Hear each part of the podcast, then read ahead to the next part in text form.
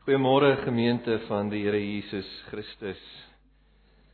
Ek groet julle in die naam van Jesus Christus, die naam waarin ons hier saam is vanoggend.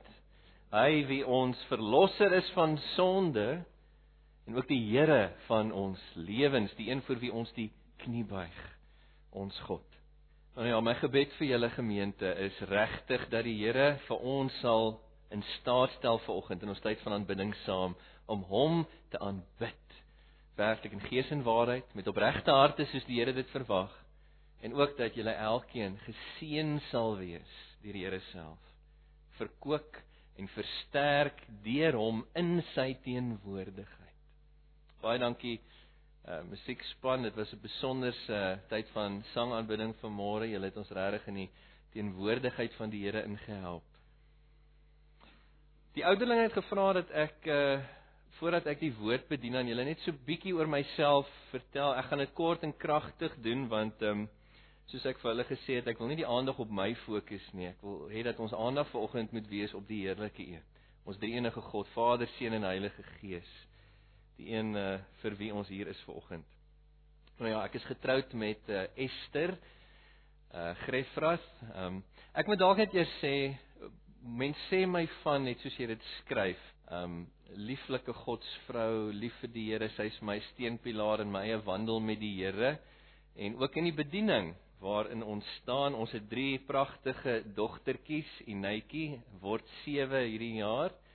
My middeldogter Elrike word uh, 5 hierdie jaar en my jongste dogter Madeleine word 2 jaartjies oud volgende maand.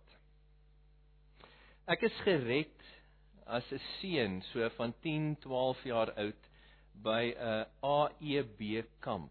Nou vir die van julle wat nie weet wat die AEB is nie, dit is 'n die Afrika Evangeliese Bond, dit is 'n interkerklike sendingorganisasie wat die evangelie verkondig landwyd en ook in Namibië. En ek onthou in daai kinderdiens het die tannie die evangelie so eenvoudig ver, uh, verduidelik en ek was een van die wat na die tyd vir haar gaan sê het ek wil my my saak met die Here regmaak. Ek was onder sondeoortuiging selfs as 'n jong seentjie. En uh, sy het saam met my gebid en daar het my pad met die Here Jesus begin. En na my roeping later jare, ehm um, het uh, ek was ek in die AEB self gewees as 'n sendeling, 'n pelgrim uh, vir 'n paar jaar Maar weens veranderende geloofs-oortuigings het ek die AEB werk bedank en ek het toe gewerk in Piketberg vir 3 jaar op die Wes-Kaap. Ek is van Malmesbury af oorspronklik. In elk geval na daai 3 jaar in Piketberg het uh, die Here my weg oopgemaak om my teoloog, teologiese graad laag gaan studeer. Ek het dit by uh, die Bible Institute in die Kaap gedoen. Uh, hulle was geakkrediteer daai tyd by Potch.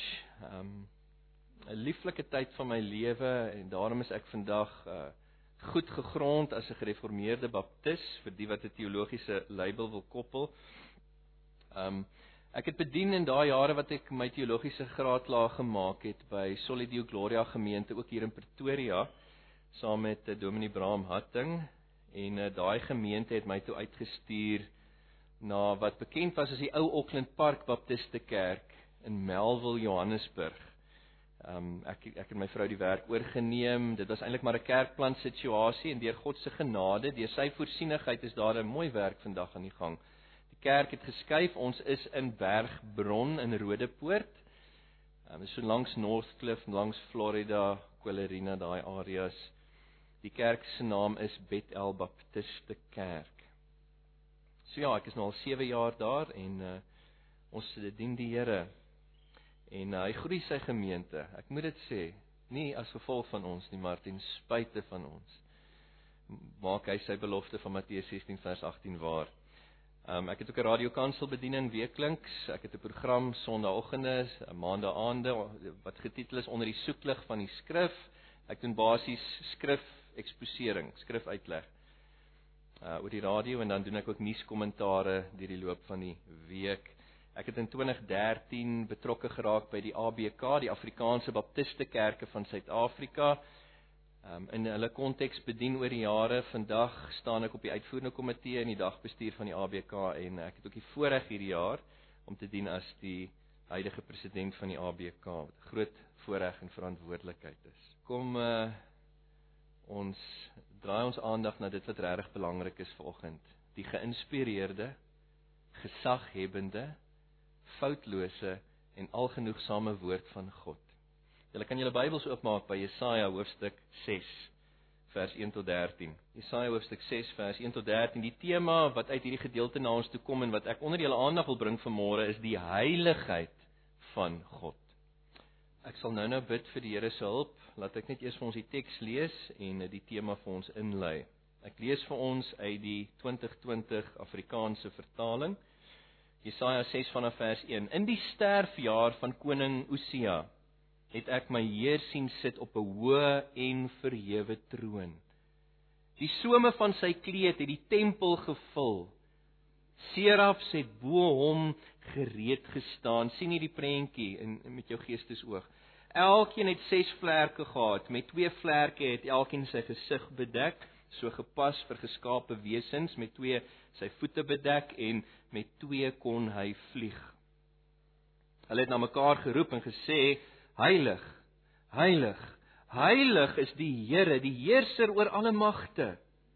Die hele aarde is vol van sy heerlikheid. Die deurpenne in die drempel het gebewe van die gelyk van die een wat roep. Die tempel het vol rook geword. Asemrowende visioen wat Jesaja hier sien. En in vers 5 ek het gesê Jesaja aan die woord wee my want ek is verlore. Ek is 'n mens met onrein lippe en by 'n volk met onrein lippe woon ek. Ja, my oë het die koning, die Here, die heerser oor alle magte gesien. Een van die serafs het toe na my gevlieg met 'n gloeiende kool by hom wat hy met 'n tang van die altaar afgeneem het. Hy het my mond aangeraak en gesê: "Kyk, dit het jou lippe aangeraak. Jou sonde skuld het gewyk of is vergewe, soos die nuwe Afrikaanse Bybel dit stel. Daar is vir jou sonde verzoening gedoen." Toe hoor ek die stem van my Heer wat sê: "Wie sal ek stuur en wie sal vir ons gaan?" En ek sê toe hier is ek, stuur my. Hy het gesê, gaan sê vir hierdie volk, luister goed, maar moenie verstaan nie. Kyk goed, maar moenie begryp nie. Maak die harte van hierdie volk ongevoelig. Maak hulle ore doof en smeer hulle oë toe, sodat hulle nie sien met hulle oë, nie met hulle ore nie hoor en met hulle hart nie verstaan en nie terugdraai en genees word nie. En daarop vra ek tot wanneer my Heer? En hy het geantwoord totdat die dorpe vervalle lê sonder inwoners, die huise sonder mense is, die land verval tot 'n woestynny en die Here die mense ver wegdryf. En die verlatenheid in die land groot is. As daar nog 'n tiende selfs in die land is, sal die land weer aan die verwoesting uitgelewer wees en dan helaas hierdie kosbare woorde. Tog. En ons is bly oor elke maar of tog in die woord van die Here. Tog sal by hulle 'n stomp oorbly. Soos van 'n terebintboom of 'n eikeboom wanneer hulle neergevel is. Die stomp van die land is 'n heilige geslag, die oorblyfsel van die Here te midde die volk. Net sover uit die woord van die Here.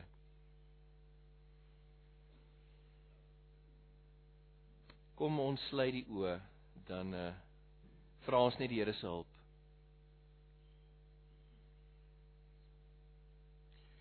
Hemelse Vader, as die kerk van ons Here Jesus Christus, vra ons nou in hierdie oomblikke u hulp. Here, wanneer ons na u woord toe kom, doen ons dit met diepe ontzag en verootmoediging.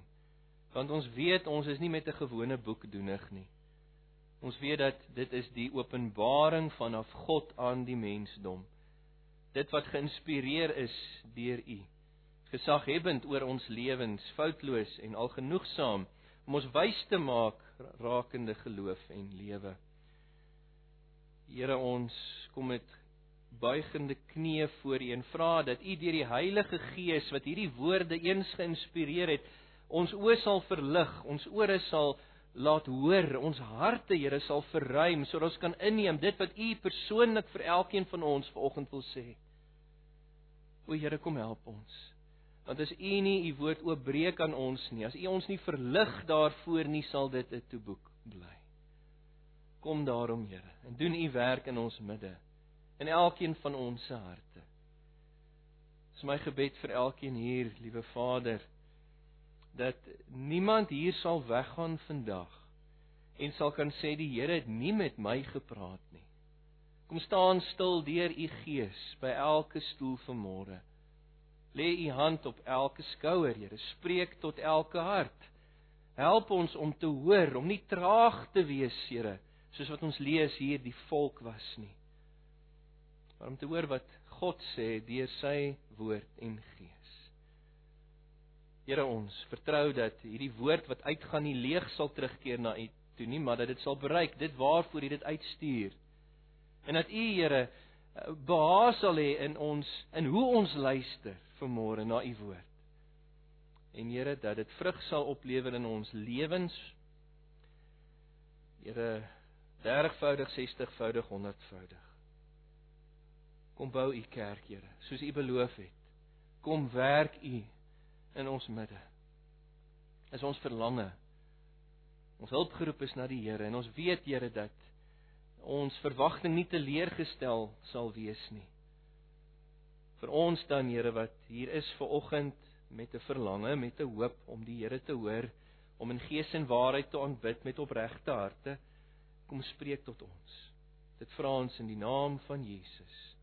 Mag die uiteinde hiervan wees Here dat ons U net liewer het omdat ons U beter ken sodat ons U beter kan gaan verteenwoordig in 'n verlore wêreld. Amen. Geliefdes van die Here, die teks wat ek vir julle voorgeles het vanmôre verskyn teen 'n verskriklike agtergrond. Blaai saam met my na Jesaja hoofstuk 1 toe. Jesaja 1 gee vir ons die historiese konteks van dit wat gesê word in hoofstuk 6 en dit sal ons help om die teks ook beter te verstaan.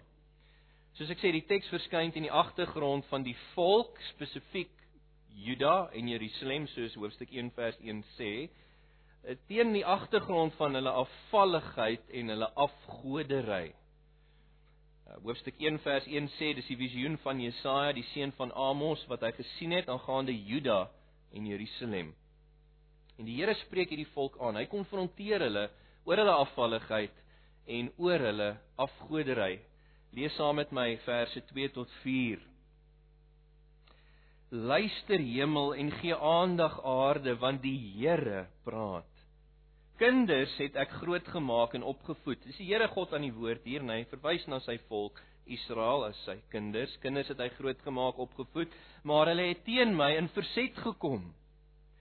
'n Bees ken sy eienaar, 'n donkie selfs ken die krib van sy besitter, maar Israel het egter nie kennis nie. My volk toon geen insig nie. Wie 'n watter nasie? Sondige nasie, 'n volk swaar belaaid met sonde skuld, 'n geslag kwaadoeners, kinders wat hulle wangedra. Hulle het die Here verlaat, die heilige van Israel verag om die rug toegekeer. Jy sien die volk was so vervalle, so verhard op hierdie stadium in die geskiedenis dat God se dissipline oor hulle selfs was oneffektief. Kyk wat sê die Here in hoofstuk 1 vers 5. Hy sê vir hulle: "Waarom wil julle nog geslaan word? En hou julle vol met julle onversetlikheid? Elke kop is siek, elke hart is swak in hierdie volk. Van die voetsool tot by die kop is daar nie 'n gesonde plek nie vanweë die dissipline van die Here. Net hale, kneusplekke en oop wonde." Die volk was so verhard, so vervalle op hierdie stadium. Luister waarmee assosieer God self hulle in vers 10 van hoofstuk 1. Hy sê: "Luister na die woord van die Here, gesagvoerders van Sodom. Gee aandag aan die wet van ons God, mense van Gomora." So vervalle die Here assosieer hulle met Sodom en Gomora. En die Here neem aanstoot aan hulle aanbidding selfs. Sover het dit gegaan. Lees saam met my verse 11 tot 15. Kyk wat sê die Here van hierdie volk. Wat baat julle magdom slagoffers my? vra die Here. Ek het genoeg gehad van die brandoffers van ramme, die vet van ge gevoerde diere. Die bloed van bulle, lammers en bokramme staan my nie aan nie. Wanneer julle kom om voor my te verskyn, wie eis dit van julle om my voorhoewe so te vertrap? Hou op om waardelose graanoffers aan te dra. Reukwerk, afstootlik is dit vir my sê die Here. Julle nuwe maanfeeste, julle sabbate, die saamroep van byeenkomste, ek het ek kan nie onreg en gewyde rus daar verdra nie. Julle nuwe maane en vaste feestydde haat ek. 'n Sterk woorde wat die Here hier gebruik. Hy haat dit met my hele wese. Dit is vir my 'n las. Ek is moeg daarvoor om dit te dra. As julle julle hande uitstrek, sluit ek my oë vir julle. Selfs as julle baie bid, luister ek nie, want julle hande is vol bloed, vol onreg, met ander woorde. En as jy Jesaja 1 tot 5 gaan lees en ek wil jou aanmoedig om dit te gaan doen by die huis vanmiddag. Dit skets vir ons 'n onnigterende prentjie van die volk se afvalligheid en afgodery. Tog was die Here se genade altyd beskikbaar vir hierdie volk. Die Here het nog altyd sy arms uitgehou na die volk toe, soos ons lees hier in verse 16 tot 19 van Jesaja 1. Lees saam met my. Was julle sê die Here vir hierdie volk, reinig julle, verwyder julle bose dade voor my oë. Hou op om kwaad te doen, sê die Here, leer om goed te doen, bevorder die reg onder julle. Lê die onderdrukker aan bande, handhaaf die reg van die vaderloses, verdedig die weduwees se regsaake en dan hierdie bekende vers wat ons almal sekerlik ken. Kom tog, laat ons die saak uitpraat. Julle hoor die hart van die Here teenoor sy volk, die genade van God. Kom tog, laat ons die saak uitmaak, sê die Here, al was julle sondes rooi soos karmosyn, dit sal wit word soos sneeu, al is dit rooi soos skarlaken, dit sal word soos wol.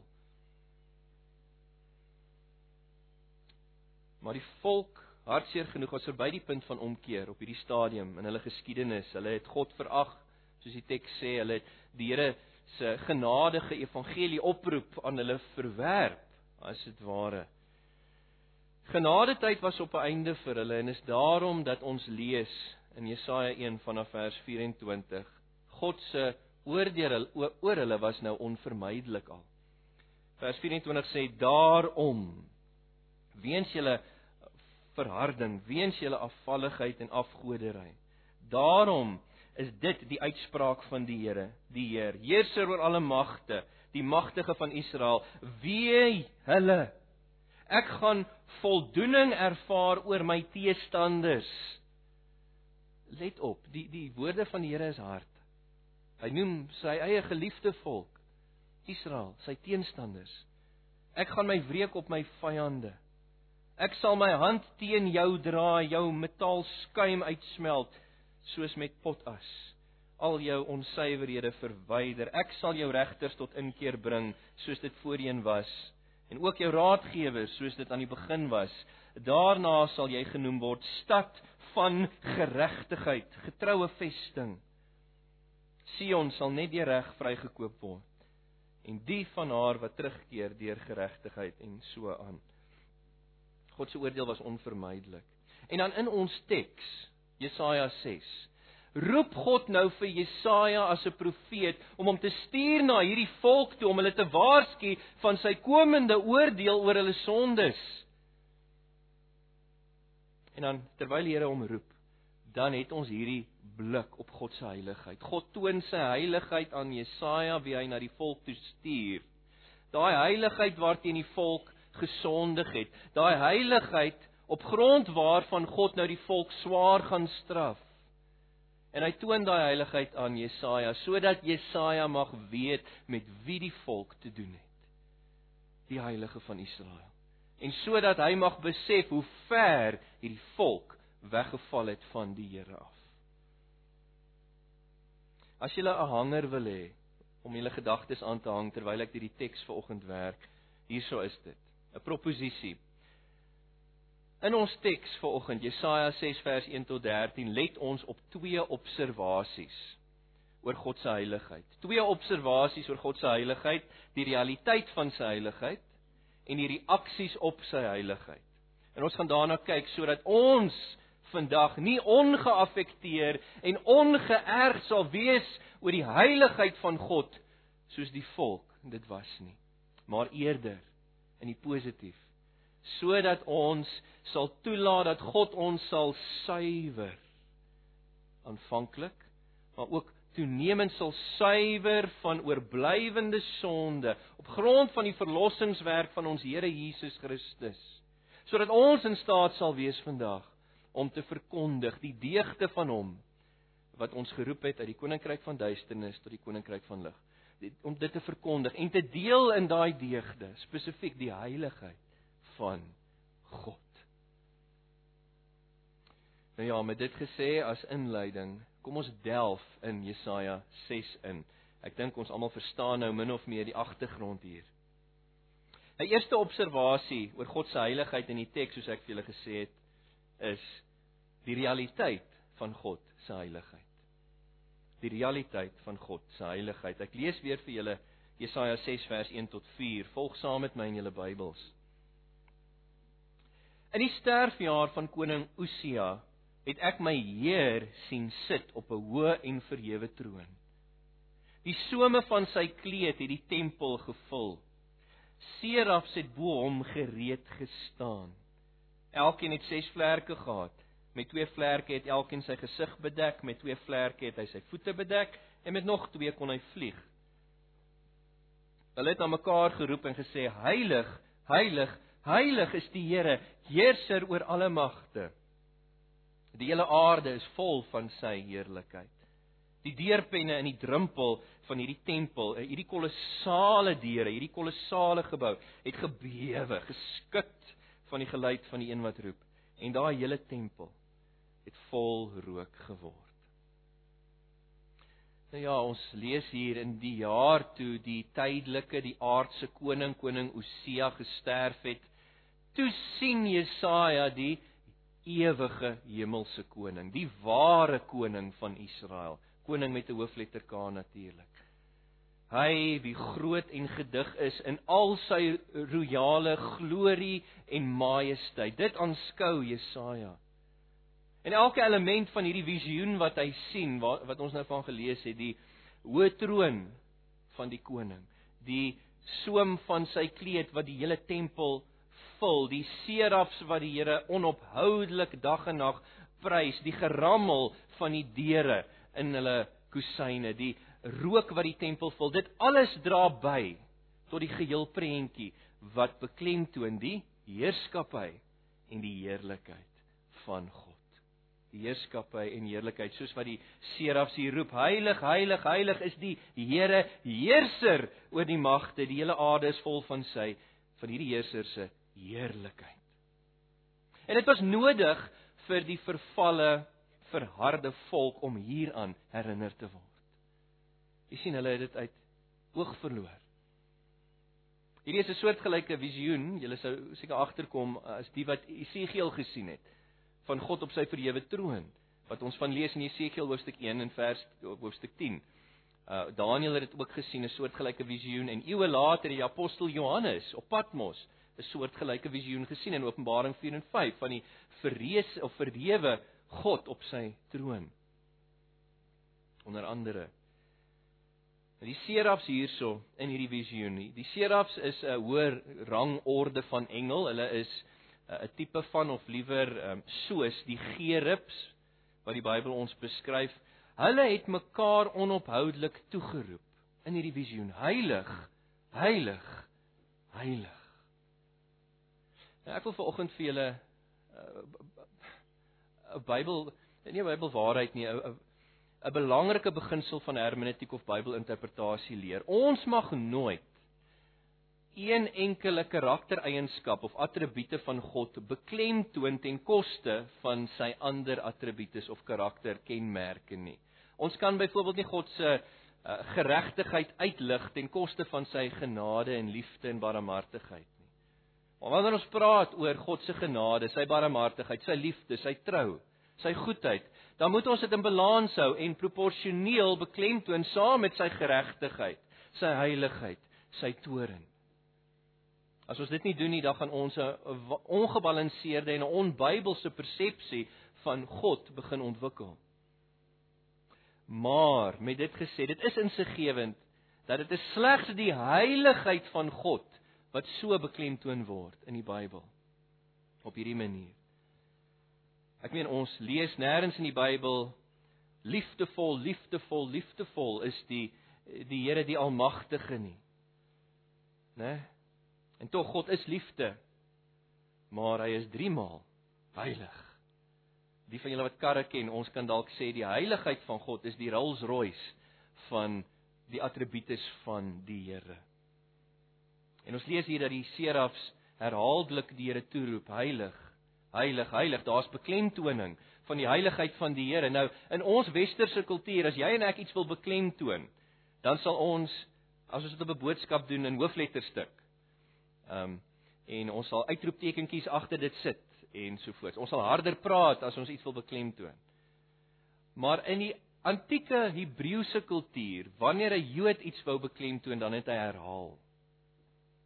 Met ander woorde, wanneer ons lees heilig, heilig, heilig, dan moet ons let hierop. Dit is juis dit wat God wil hê ons moet raak sien, sy heiligheid teen die agtergrond van die volk se onheiligheid. Hulle vervallenheid, hulle verharding teenoor die Here. Die term wat hier gebruik word in die Hebreëus vir heiligheid, kadosh, um, is die ekwivalent van die term hagios wat ons in die Grieks het in die Nuwe Testament. Uh, dit is maar net om te sê dat die woord hier dra die idee saam van om afgesonder te wees van alles wat onedel is vir 'n spesifieke edele doel of gebruik. Dis die betekenis van hierdie term.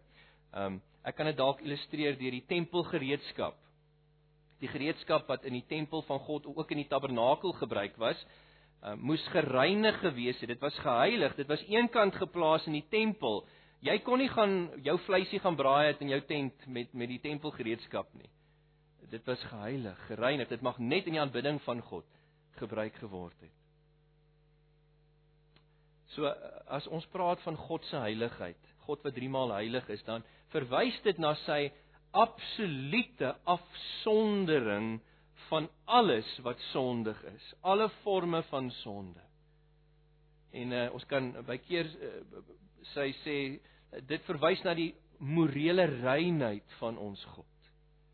Dit in die negatief, afsondering vir watter edele doel, God se algehele toewyding vir die bevordering van sy eie eer. Dit is wat sy heiligheid beteken. Um, om dit eenvoudiger te stel, ons kan sê die heiligheid van God beteken hy haat en hy distansieer homself van alles wat indruis teen sy morele wil.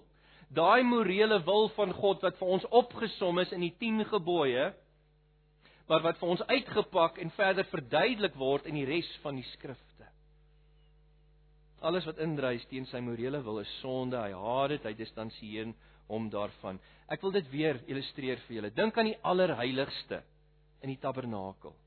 Dink aan die allerheiligste in die tempel. Daar was God afgesonder, eenkant afgeskei van alle morele verval in hierdie wêreld. Hy was afgeskei agter die voorhof waar die offers gebring was. Hy was afgeskei agter die heilige plek waar net die priesters mag gekom het. Agter 'n gordyn, 'n dik gordyn gehul hy daar verskyn tussen die gerubs op die versoen deksel van die verbondsark. Daar het hy sy teenwoordigheid bekend gemaak in die Shekinah heerlikheid, kan ons sê. Niemand het toegang gehad tot die Here nie behalwe die hoëpriester, een persoon wat afgesonder was uit die hele volk uit. En hy kon net daar inkom een keer 'n jaar. Glad nie wanneer hy wou nie, een keer 'n jaar, een dag uit 365. Al hulle kalenderjare het anders gewerk, maar ook al sy een keer 'n jaar. En hy kon dit net doen na intensiewe rituele reiniging. Het hy ingekom om verzoening vir die sondes van die volk te bewerk. En sou hy enige iets van hierdie gevalle sondige wêreld, enige besoedeling daarin gebring het, was hy onmiddellik doodgeslaan. Dis hoekom hulle om die hoofpriester se lyf 'n tou vasgemaak het wanneer hy daar aangegaan het. En as hy nou so 'n bietjie te lank vat daar binne, dan het hulle hom uitgesleep en 'n ander hoofpriester aangestel. Ehm um, ek hoop dit kommunikeer iets aan julle van die heiligheid van ons God. Toe Moses vir die Here sê, Here, ek wil U sien, het die Here gesê hy kan nie. Geen mens kan my sien en bly leef nie. Uh, Moses wat wel uh, die ehm um, sagmoedigste mens was nog ooit geleef het, hy kon die Here net met 'n oogblik van agteraf sien soos die Here verbygegaan het toe hy in die in die skeer van die rots weggesteek was. 'n Tipe van Christus, maar ehm um, die Here het vir hom gesê geen mens kan my sien en bly leef nie weens die heiligheid van God. Weens daai groot kloof tussen 'n heilige, 'n God wat volmaak is in morele reinheid en 'n gefalle mensdom. Kyk maar selfs na die serafs as 'n voorbeeld in ons teks. Die serafs wat by die Here is, hulle bedek. Onthou die serafs is ook volmaakte wesens, né? Hulle het nie geval nie. Hulle is nie deel van daai derde van die engele wat saam met Satan in opstand gekom het nie. Maar selfs hulle wat volmaakte wesens is, wanneer hulle voor die Here is, bedek hulle hulle aangesig, hulle bedek hulle voete in die aangesig van die heerlikheid van ons God se heiligheid. Ons God word genoem in Psalm 71 vers 22 die heilige van Israel. Hy word genoem in Psalm 99 vers 9 die Here ons God is heilig. Hy self het vir sy volk gesê in Levitikus 19 vers 2. Wat quoteer word in 1 Petrus 1 vers 15 en 16: Wees heilig want ek, die Here julle God is heilig. En soos die serafs beamoen, heilig, heilig, heilig is die Here. Heers oor alle magte. Die hele aarde is vol van sy heerlikheid. So dis die eerste observasie in ons teks, die realiteit van God se heiligheid. Maar dan is daar 'n ander observasie in ons teks en julle sou dit agtergekom het eh, toe ek die teks deurgelees het en dit is die reaksies op God se heiligheid. Die reaksies op God se heiligheid. Daar is 4 uiteenlopende uitsonderlike reaksies hierso in ons teks op God se heiligheid waardeur die Here vir ons waarheid wil leer, waarheid wil kommunikeer. Die heel eerste reaksie het ek nou al met julle gedeel. Dis die reaksie van die serafs op God se heiligheid. Daai serafs is konstant in die asemrowende teenwoordigheid van die heerlike heilige een. Jy kan jouself indink, né? Die teks sê vir ons, hulle het bo hom verskyn. Die nuwe Afrikaanse Bybel sê dit vir my baie mooi. Um die 83 vertaling en sê by hom was daar serafs op hom te dien. Hulle was konstant by hom gewees. Voortdurend in sy teenwoordigheid en is dit daarom enige wonder dat hulle nie kan ophou dag en nag om die Here te aanbid nie.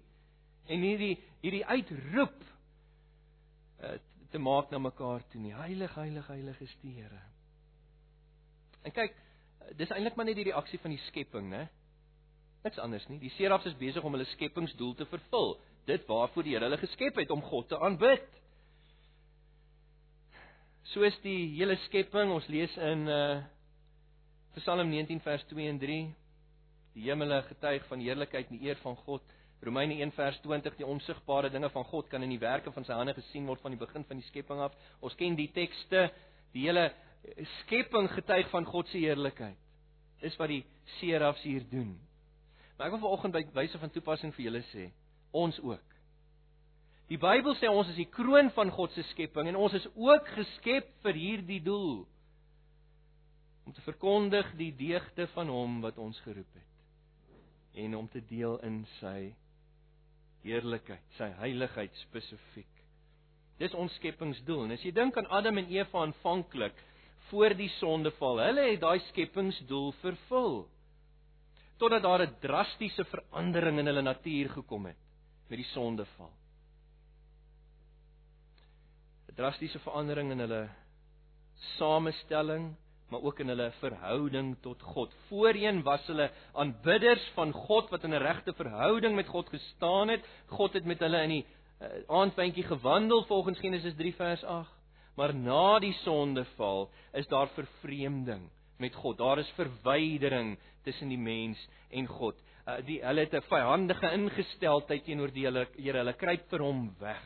Hulle was nie langer besig om te verkondig die deugde van die Here om te deel in sy karakter nie. En sedertdien na die sondeval tot vandag toe is die hele mensdom wat buite Jesus Christus is nie besig om hulle skepingsdoel te vervul soos wat ons sien die serafs doen in ons teks nie. Is ek verkeerd? Ons hoef maar net rondom ons te kyk. Jy hoef maar net maandagooggend by jou voordeur uit te stap of jou TV aan te skakel, die nuus te luister om te besef dat mense in hierdie wêreld leef vir sonde. Hulle leef vir hulle self.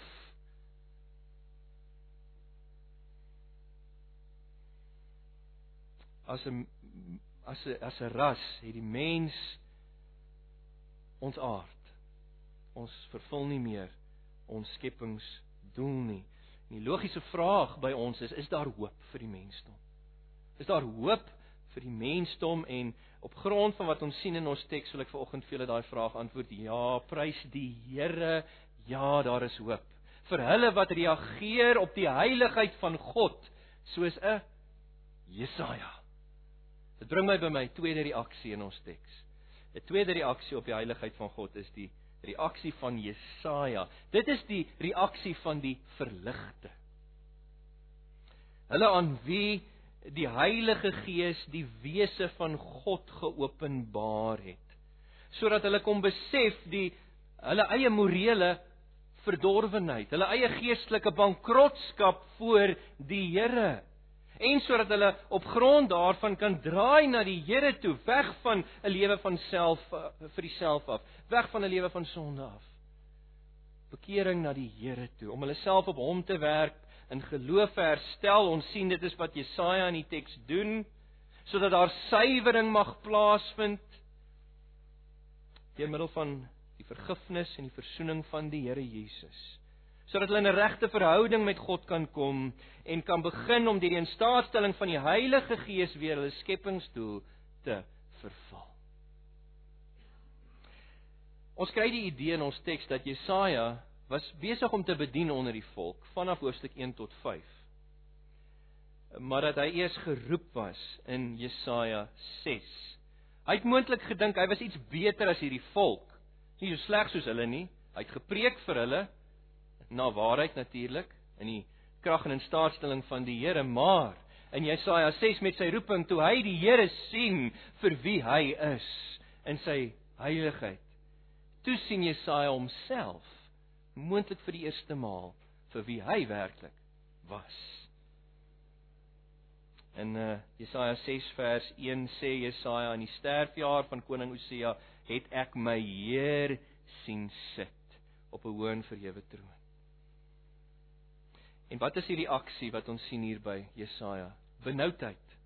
Want uiteindelik besef hy sy morele dilemma voor God. Hy sê in vers 5a: "Wee my. Daar's benoudheid.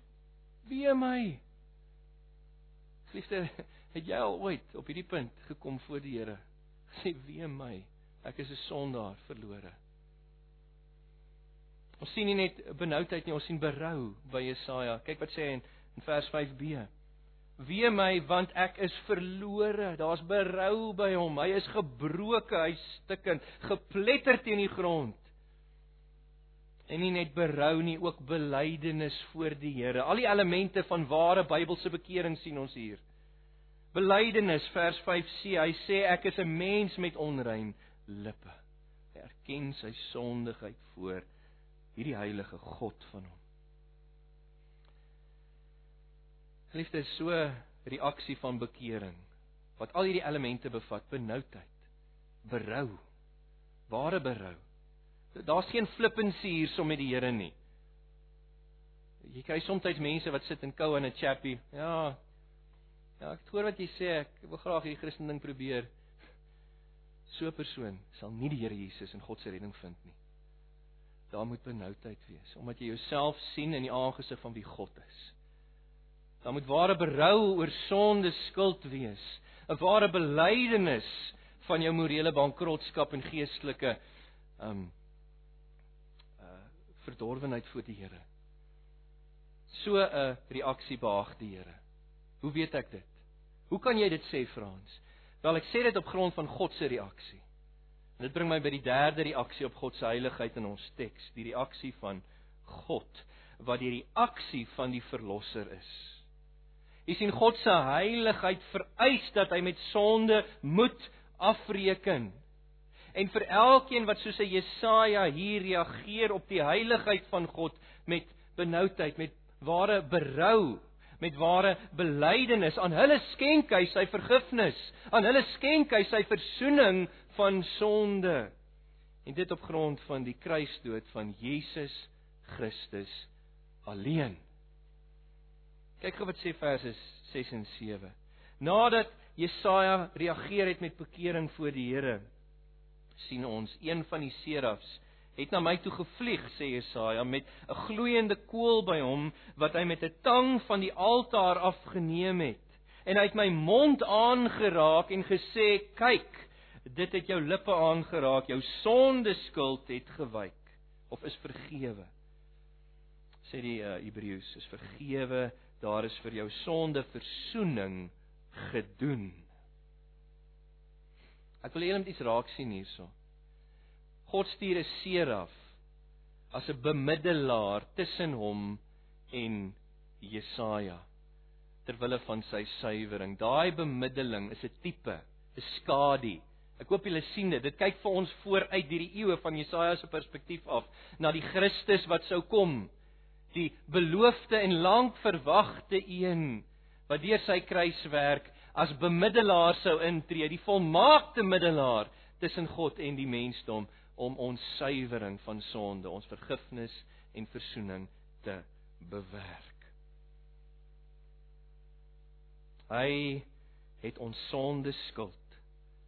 Ons sonde straf wat ons na regte moes dra, het hy op homself geneem op Golgotha aan die kruis. Daar is hy gebreek ter wille van ons. Hy het ons sondes gedra. Hy het ons sondes betaal ten volle. Al die toorn van God wat ons moes verdien het, hy geabsorbeer in homself om ons sodoende te suiwer. Net soos wat hierdie koeltjie vanaf die altaar, die altaar self het vorentoe gekyk na Christus.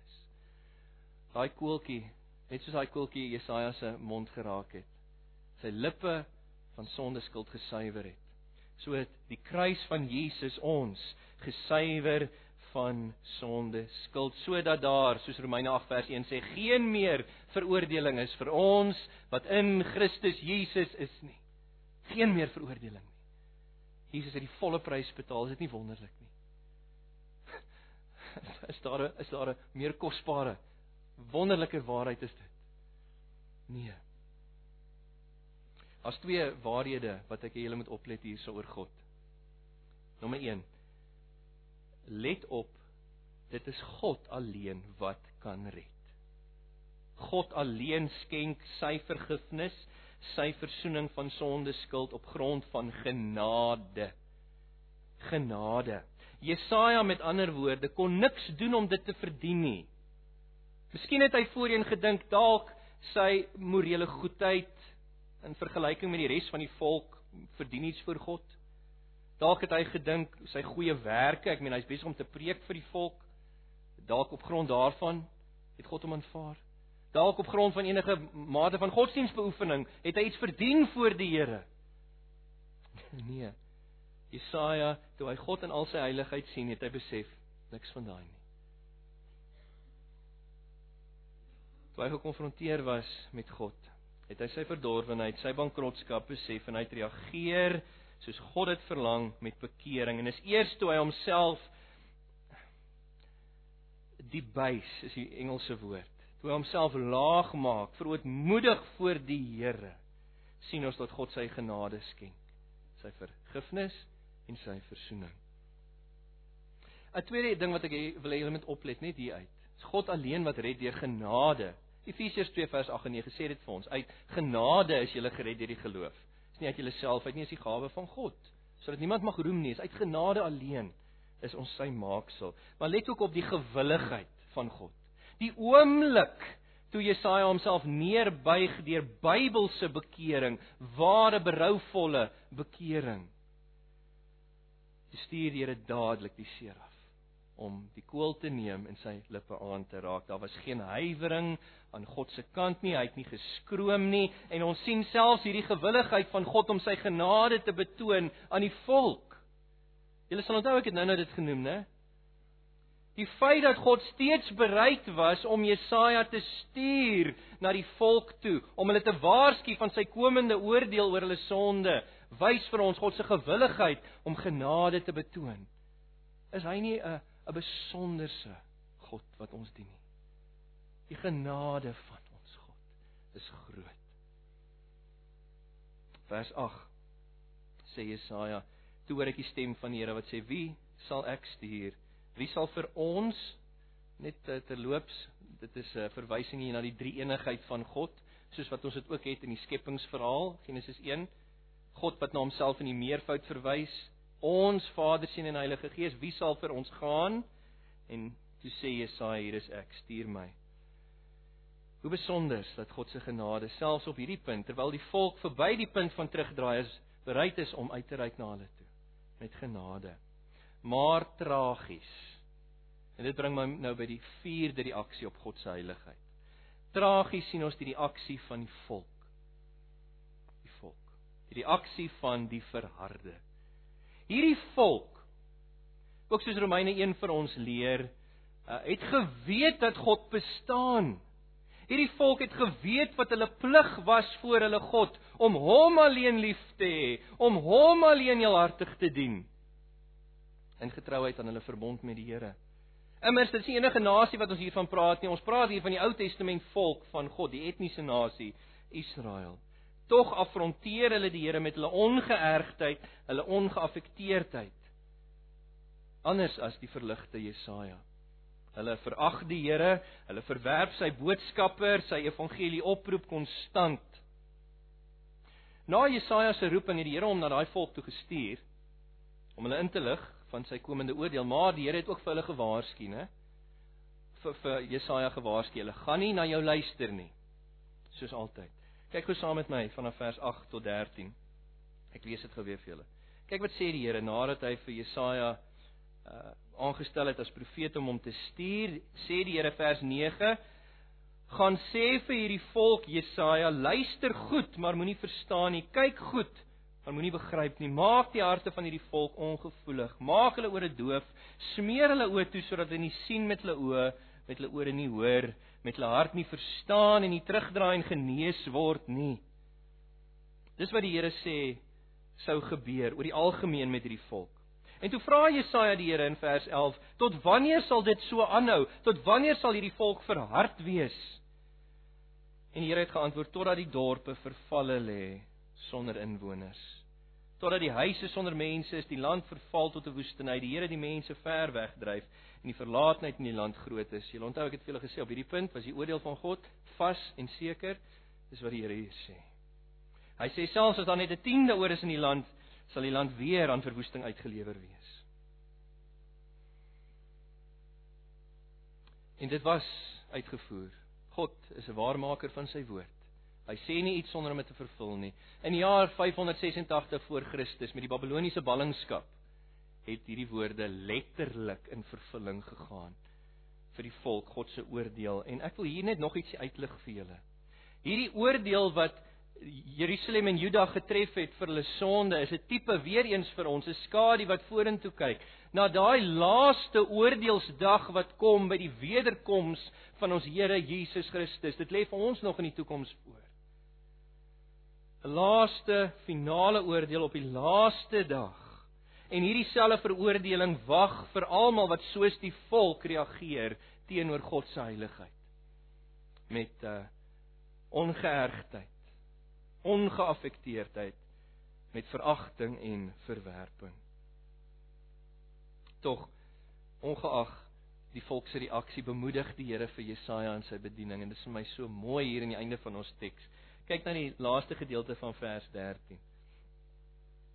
Die Here bemoedig vir Jesaja deur te sê daar gaan sommiges wees, enkeles wat gaan positief reageer op jou prediking van bekering, op jou oproep, evangelie oproep. Hulle is die oorblyfsel, die heilige geslag van die Here. Hiervoor sou die Here self sorg. Hy sou nie die hele boom afkap met ander woorde nie, die hele volk uitdelg nie, daar sou 'n stomp oorbly vir die Here.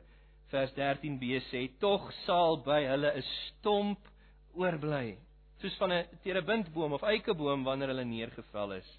Die stomp van die land is 'n heilige geslag." En weet julle, by wyse van toepassing, ons sien dit steeds vandag om ons. Die mense wat in 'n hordes wa, na die ware Christus van die Bybel toe vlug nie, wat in hulle hordes die ware evangelie van die woord aanneem nie. Soos Jesus gesê het, die deur is smal, die weg is nou, min is dit wat dit vind.